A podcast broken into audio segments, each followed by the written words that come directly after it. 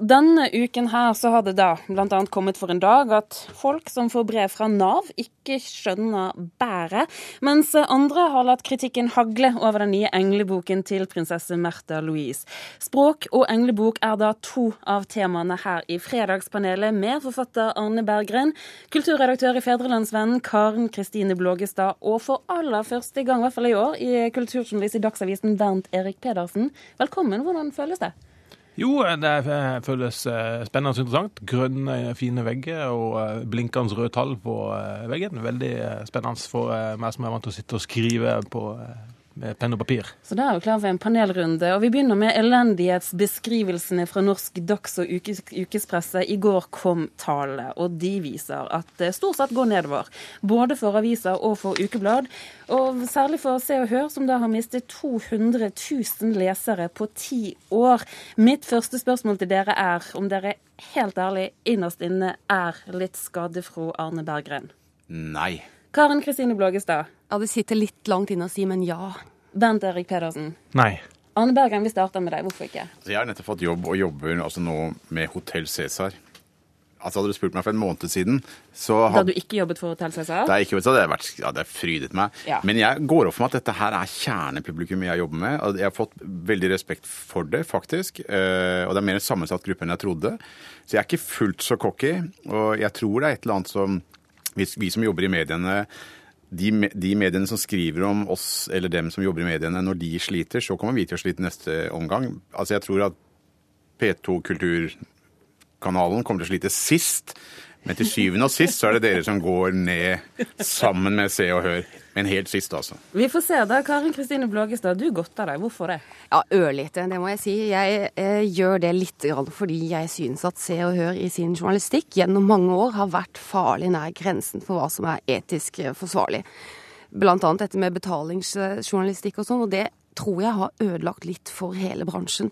Det har ødelagt litt for arbeidsvilkårene til eh, journalister som har litt mer aktverdige grunner for å grave i folks eh, gjøren og laden.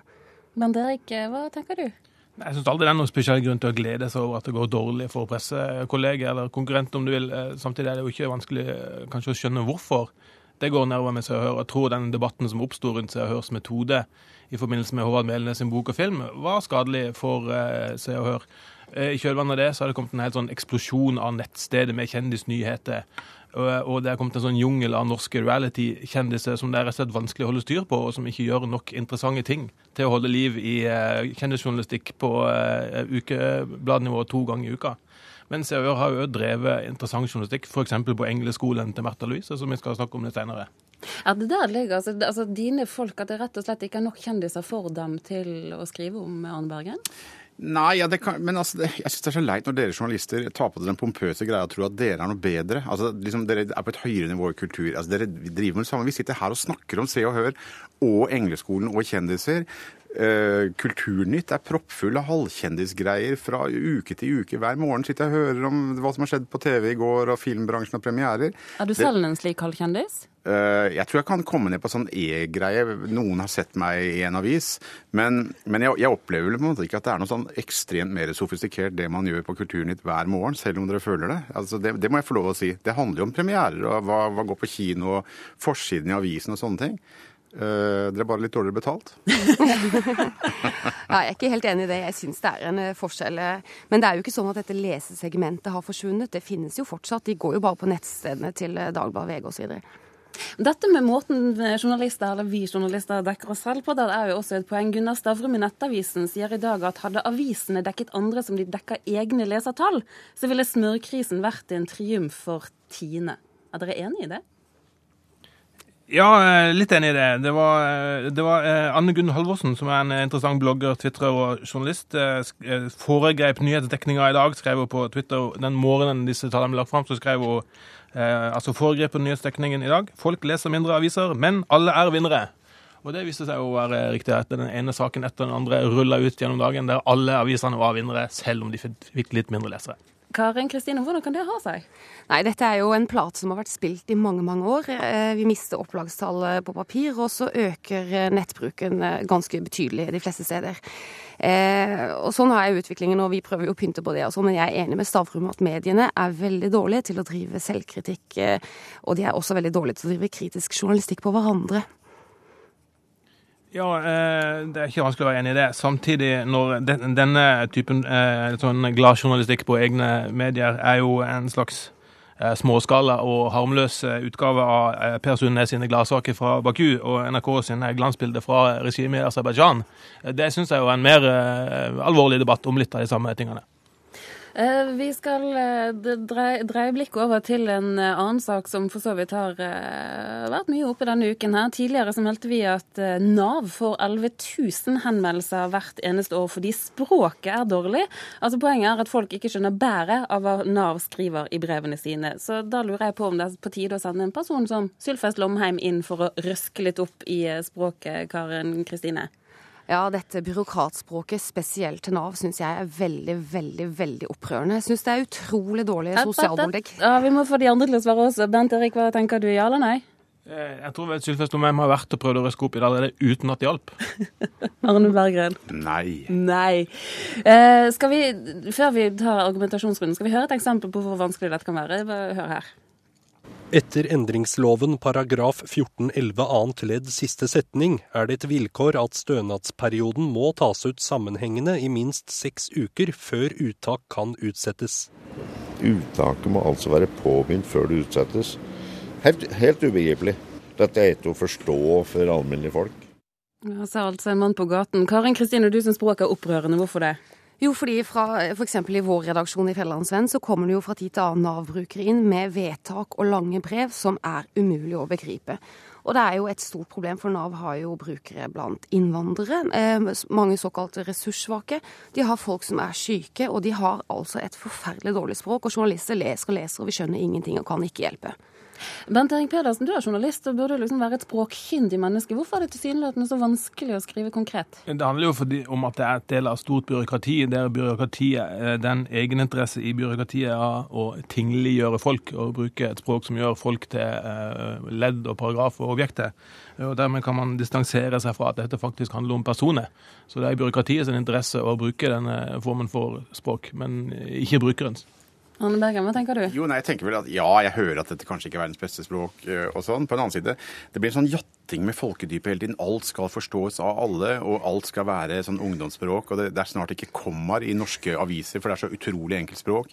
Uh, men vedtak fra det offentlige bør man vel kunne forstå? Jo, men vi snakker om, jeg er sikker på at går gjennom Fevennen, så ser du at de ikke kan objektsformen eller åge-over-forskjellen der heller. Så vi må begynne på et helt annet plan, tror jeg, før vi sender Sylfest mer rundt. Jeg tror Hvor må vi begynne henne? Jo, vi må begynne med språklig dannelse. Jeg Gud forby ordet elitetenking, at man kan strekke seg til en høyere stil. Det har vært forbud mot å, en måte, å bruke i skolen en høyere form. altså Alt skal være muntlig. Det er der det begynner. og Til slutt så skjønner ikke folk, uansett om det er høyt eller lav stil i byråkratiske brev. Men kanskje Arne Berggren kan gå inn og få et litt mer høystemt språk i saksforvaltningen? Det kan være en idé? Jeg har faktisk mellomfag i offentlig rett, så bare ring meg når jeg er klar, altså.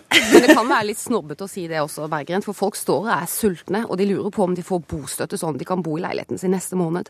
Ja da, jeg skjønner jo problemet. Altså, det, det, altså, jeg har full forståelse for det. Men bare, bare, å si at det kan være noe med språkdannelsen generelt i samfunnet, og si at det er snobbete å si, der har du det. ikke sant? Det kommer med en gang. Pass deg, du kommer fra byen, ikke snakk snobbete. Det er jo hyggeligere hvis du får et avslag på vers, kanskje. men, eh, men eh, Karen Kristine, hva tenker du, hva kan gjøres? Nei, Jeg er enig med Berggren i at vi kan bli flinkere i norsk språk alle sammen, også vi i media. Og det har vært lite fokus på det de siste året, og språket vårt er jo truet hele tiden. Men eh, jeg tror nok at forvaltningen skal ta dette ekstremt alvorlig. Det syns jeg virkelig de skal, og jeg syns ikke dette er noe vår regjering akkurat nå kan være stolt av. Men det de har lært, de, løper til journalister og sier ah, jeg kjenner ikke brev fra den her, de, de, klarer å komme frem til dere, og det blir artikkel av det. Det er også et symptom på noe i tiden, at dere skal drive noe slags sånn der eh, byråkratiformidling og hjelpe mannen i gata. Det er jo litt trist det òg, da. Er ikke det bra at pressen er den svake manns røst, eller stemme, eller bryr seg om det? Nei, ikke når det gjelder å tolke brev fra det offentlige kontoret. Det syns jeg dere skal holde dere for gode for. Jeg skal sende noen brev, jeg, Bergen. brev fra det offentlige. ja, vi skal over til eh, ukens siste tema, eller dette siste temaet. Det vi vel har snakket mye om og brukt mye tid på denne uken, det er en ny bokutgivelse fra prinsesse Märtha Louise. Boken heter 'Englenes hemmeligheter'. I går så sa Märtha Louise og sin samarbeidspartner og medforfatter Elisabeth Noreng at dette som vi skriver om, er i høyeste grad tilgjengelig for alle.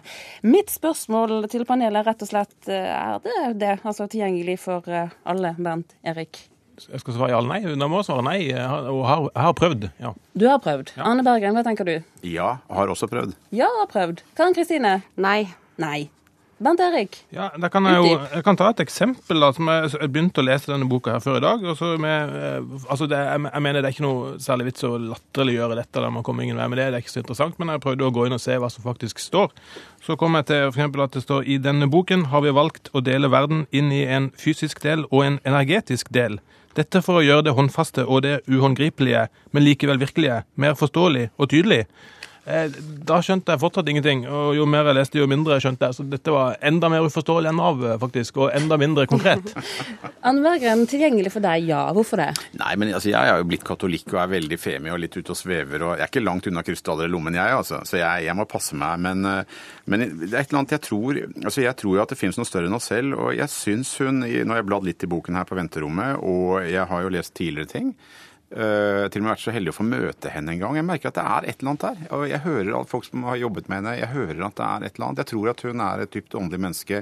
Det er noe dypere erfaring. Og jeg tror at det er noe som uh, Bare for å gjøre meg enda mer femi og sitte og tisse her nå, så må jeg si at det er noe med kvinnelig intuisjon. Det er et eller annet der. Det er noe jeg, jeg, tror hun forvalter et eller annet. Så kan man si er det noen gang klønete i pressen eller fremstilles det liksom urettferdig dumt.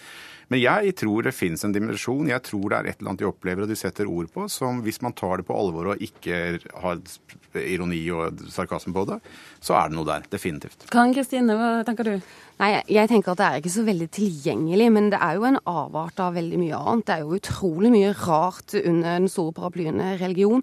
Folk går jo rundt i Norge og tror på en jomfrufødsel. De holder på med tungetale og velsigner hverandre og sånn. Det er jo ikke så veldig mye rarere, det, altså.